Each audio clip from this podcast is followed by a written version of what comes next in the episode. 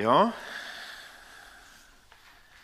Jeg òg må jo si det er veldig kjekt å se at vi kan eh, begynne å fylles opp igjen. Nå er vi klare for å kunne samles og liksom bare vente på det der eh, startskuddet. At nå er det,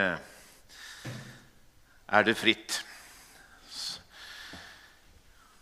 Godt å se at dere ikke har blåst vekk. Det er gjerne noe som har blåst vekk hos dere, i hvert fall hos oss. Men det er jo litt herlig òg, da. Det er friskt, og det blåser rundt ørene. Vi fortsetter å be litt sammen. Takk, Jesus, for at vi får lov til å samles. Takk for at du er her for å møte oss. Og det er du fordi at eh, du ønsker det. For du er en Gud som er på initiativet til fellesskap med oss. Takk for at du liker å være sammen med oss. Og så ber vi Helligånd om eh, at du vil eh, tale til hjertene våre, så vi får et møte med deg i dag. Amen.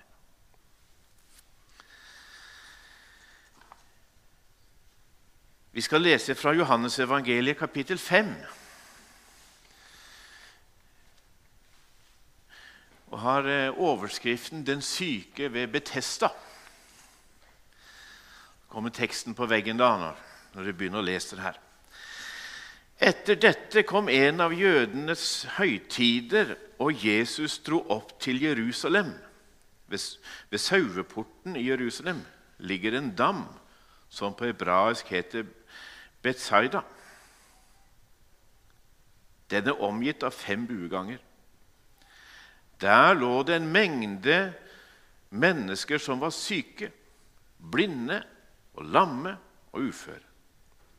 De ventet på at vannet skulle komme i bevegelse, for en engel fra Herren steg fra tid til annen ned i dammen og rørte opp vannet. Den første som steg ned i dammen etter at vannet var blitt rørt opp, ble frisk, uansett hvilken sykdom han hadde. Det var en mann der som hadde vært syk i 38 år. Jesus så han ligge der og visste at han hadde vært syk lenge, og sa til ham, 'Vil du bli frisk?' Den syke svarte, 'Herre, jeg har ingen som kan få meg ned i dammen når vannet blir rørt opp.' Og når jeg kommer fram, går alltid en annen uti før meg. Da sier Jesus til ham, 'Stå opp, ta båren din og gå.' Straks ble mannen frisk, og han tok båren sin og gikk.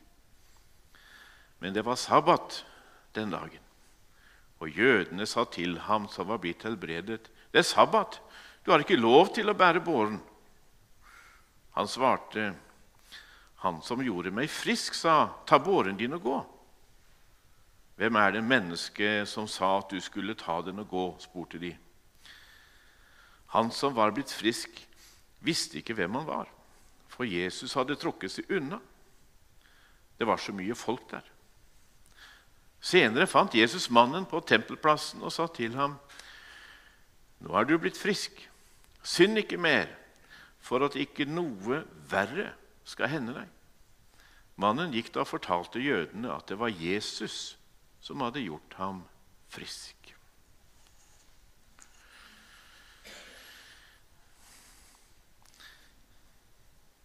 Vil du bli frisk? Ja, Det var jo litt av et spørsmål å få. Jeg vet ikke hvordan du hadde reagert hvis du var eh, denne mannen. Jeg tror jeg kanskje kunne tendert til å bli litt eh, provosert over spørsmålet. Her har jeg et åpenbart behov, ja, kanskje til og med flere. Og så kommer Jesus og spør eh, Vil du bli frisk?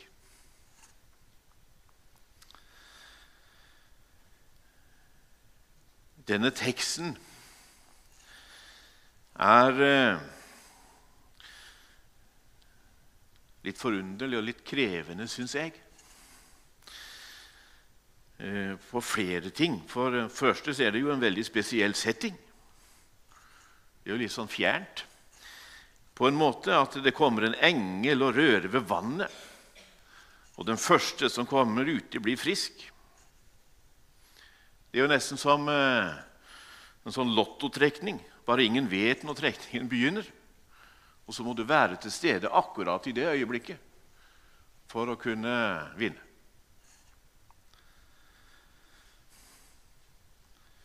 Og Her har denne mannen ligget syk i 38 år. Er det noen på 38 år her? Apropos snittalder. Jeg skjønner jeg må vokte mine ord.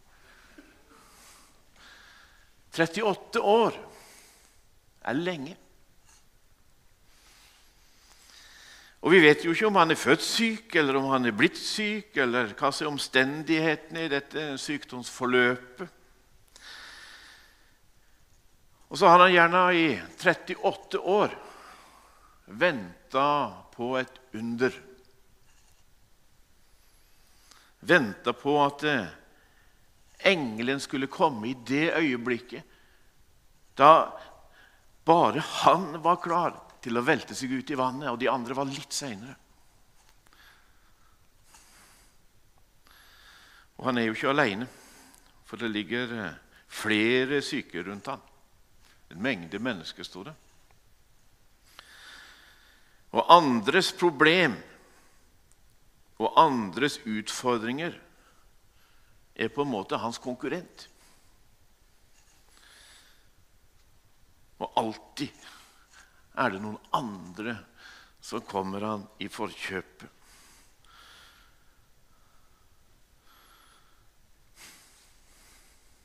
Så både de andres problem og for så vidt også de andres løsning tar på en måte vekk oppmerksomheten fra hans behov, fra hans håp og hans, eh, hans drøm. Og hva skjer inni denne mannen? i de 38 årene. Det der litt sånn skamfulle indre håpet at neste gang er det han og ikke de andre som vinner frem. Og så denne fryktelige usikkerheten, da. Og når denne engelen dukker opp Hva om engelen kommer når han er på do?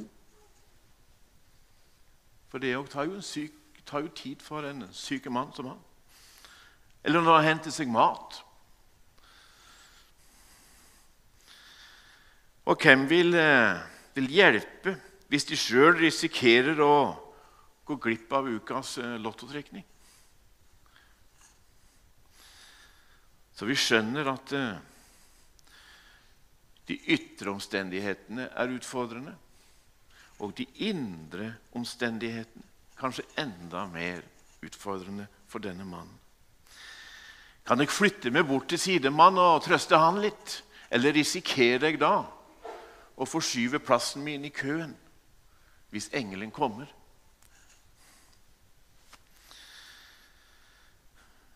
«38 år. Det hadde nok steget mange bønner til Gud i de 38. Gud, om bare jeg kommer der, da skal jeg vie mitt liv her og hjelpe de andre ut. Eller?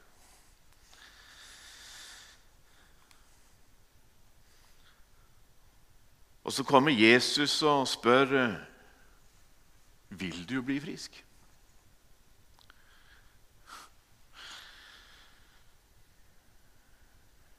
I avisa Dagen på fredag så sier Målfrid Krogedal, som eh, pleier å gå her.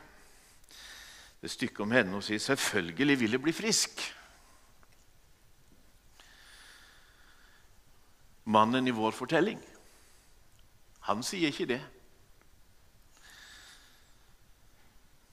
I Markus evangeliet kapittel 10 så kan vi lese om blinde Bartimeus. Han eh, har jo en lignende historie, dog uten eh, dam og engel og, og dette her. Men også han får et eh, spørsmål fra Jesus, for Jesus spør han, eh, hva vil du jeg skal gjøre for deg? Og da svarte Bartimeus, Rabuni, la meg få synet igjen. Da sa Jesus til ham, gå du, for din tro har frelst deg. Og straks kunne han se.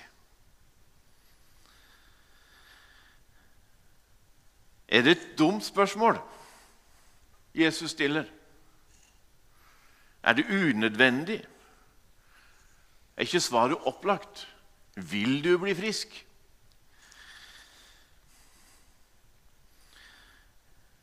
Vi mennesker vi opplever å kjempe mange kamper i livene våre.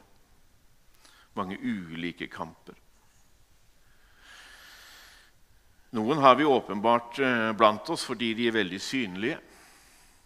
Det kan være syk, sitte i rullestol eller har andre handikap eller andre fysiske utslag som, eh, som alle ser. Andre kjemper med gjerne en sykdom som ikke er så lett å se. Har gjerne migrene eller smerte i beinstruktur eller noe annet inni kroppen som ikke, så, som ikke vises så godt. Og andre igjen kjemper med, med tap, med sorg og angst og avvisning, brutte relasjoner, brutte håp, tapte muligheter. Og for noen er 38 år ingen alder. En svikta barndom kan sitte i hele livet. Og Så tenkte jeg når jeg satt og forberedte denne talen på fredag, at dette er jo livsfarlig å si. Trond Kjartan. Fordi du berører gjerne noen smertepunkter i menneskets liv som du ikke aner noen ting om.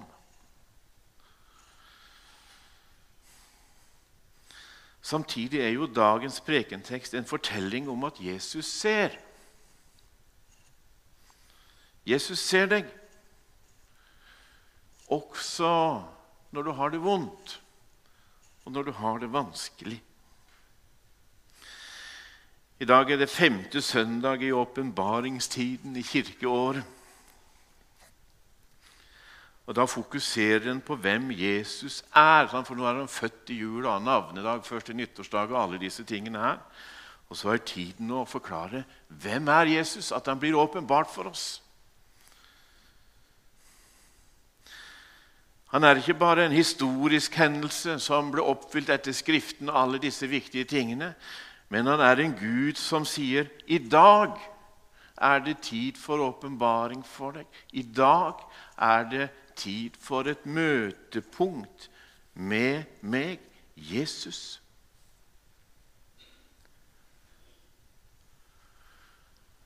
Vil du bli frisk? Ja, Det skulle jo være enkelt å svare på. Men for mannen ved Betestadammen så var svaret blitt borte. Hans erfaring var av sånn at eh, spørsmålet på en måte er irrelevant. For det handler jo ikke lenger om hva han ville, men det handler om hva alle de andre ville. Hva han ville, er jo ute av bildet. Det er ingen som kan hjelpe meg ut i vannet, sier han. Altså, løsningen for meg ligger jo utenfor meg. Hvis bare de andre hadde sett mitt behov, så hadde jeg vært frisk. Og Så kan en si på en måte at de indre prosessene hadde blitt et større hinder enn de ytre omstendighetene. Han hadde gjerne sett seg blind på at det er bare én mulighet for å bli frisk. Og det at noen andre hjelper meg uti.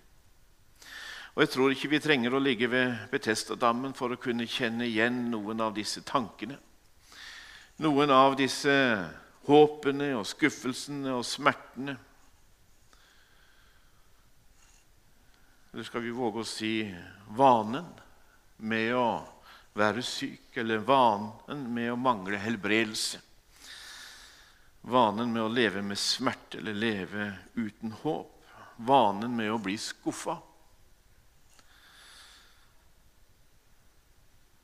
Det er bare sånn det er å være meg. Og det å prøve er det samme som å bli skuffa. Skulle så gjerne vært mer frimodig med troa mi.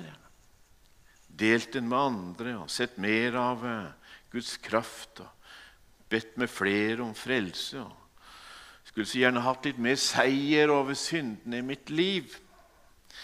Mine svake punkter, det som holder meg nede, det er på en måte som markstjeler frimodigheten min.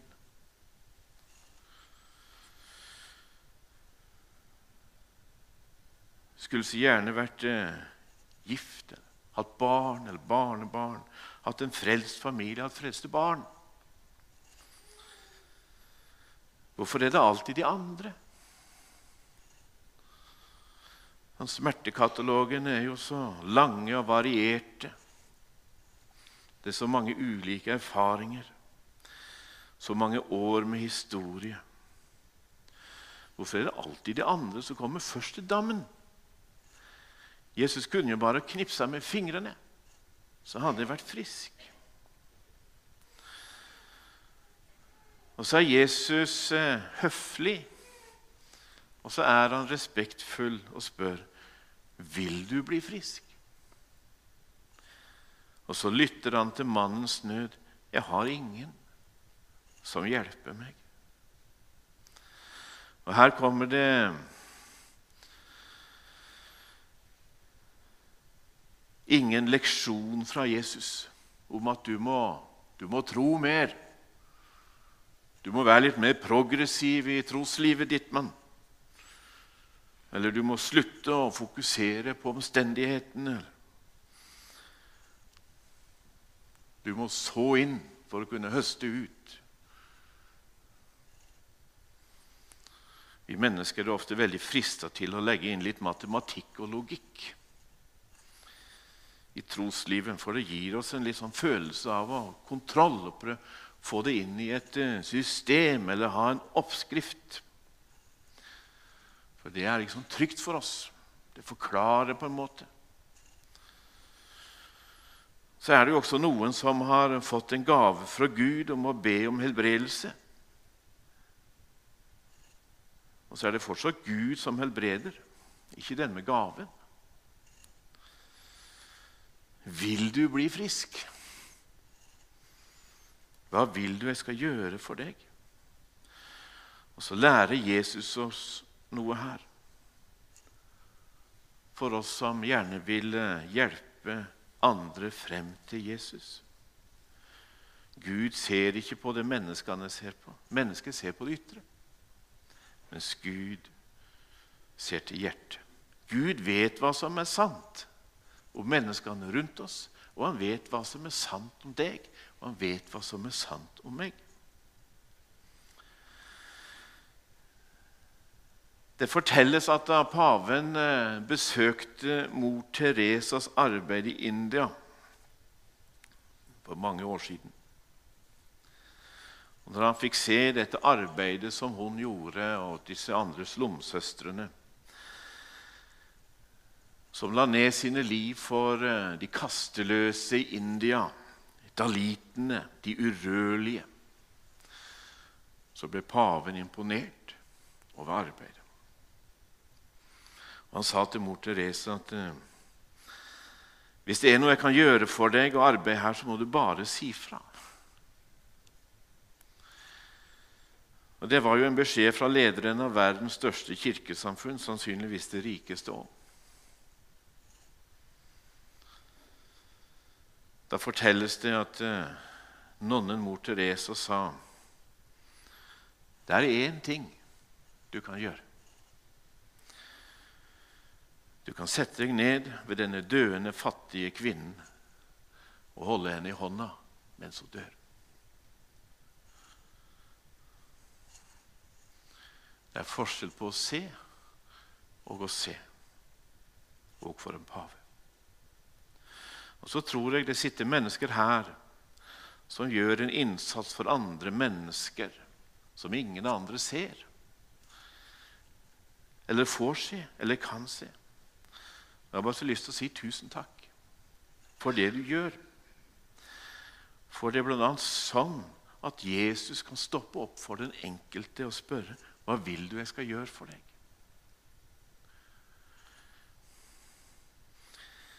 Og undre, ja, det skjer i møte med Jesus.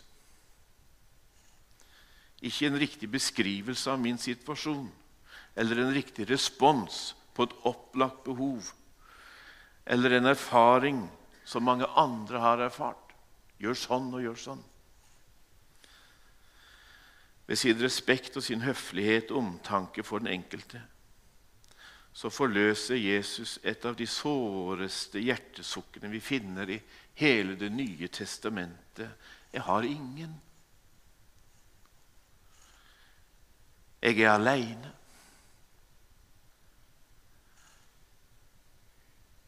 Ikke nødvendigvis fysisk alene.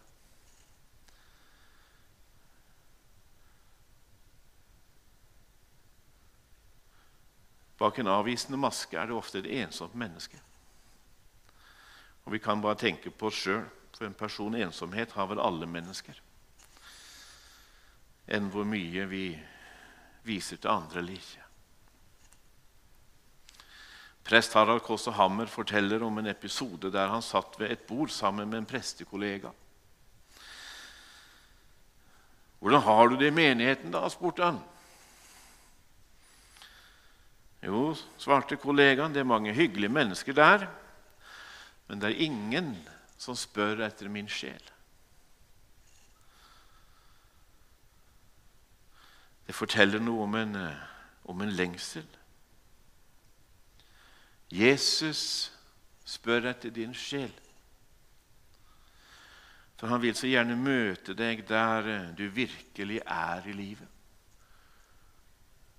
Møte deg der livet ditt er sant, ærlig og nakent.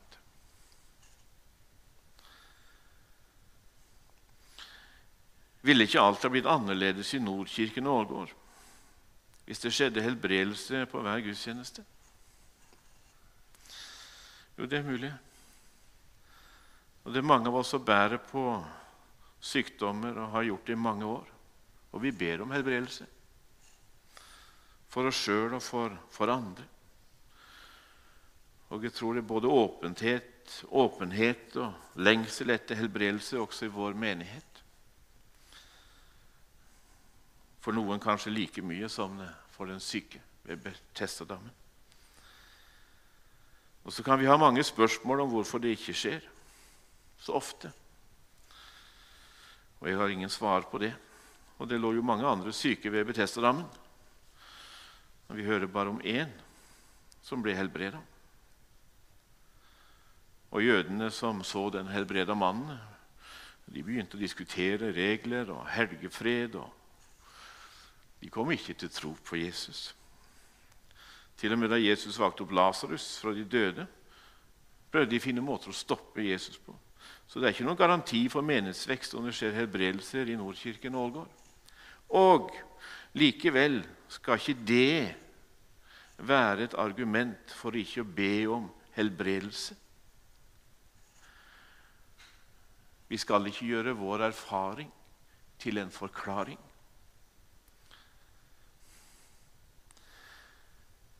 Og helbredelsen ja, den ligger i møte med Jesus.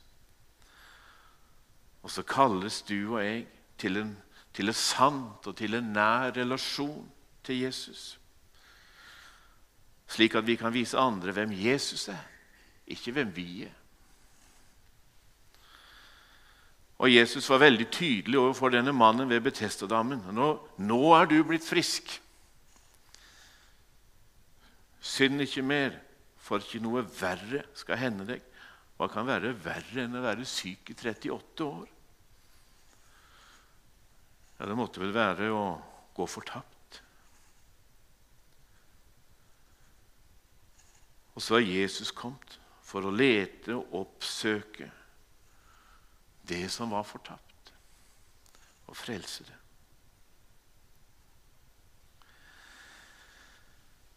Vil du bli frisk? Hva ligger i ditt svar til Jesus på det spørsmålet? Hva er din respons hvis det var du Jesus stilte dette spørsmålet? Hva er det ditt liv handler om? På utsiden, ja, men på innsiden? Hva er det som foregår der? Som du kan få hjelp til å ta tak i sammen med Jesus. Det står i, i vers 6 da, at Jesus så. Jesus så han, og han visste at han hadde vært syk lenge. Jesus ser, og Jesus vet. Og det er ikke truende. Det er nettopp det som er muligheten for deg og for meg i dag.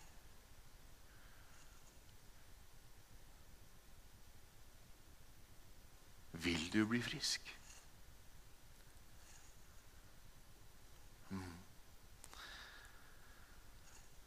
Ære være Faderen og Sønnen og Den hellige ånd, som var, er og blir en sann Gud fra evighet og til evighet.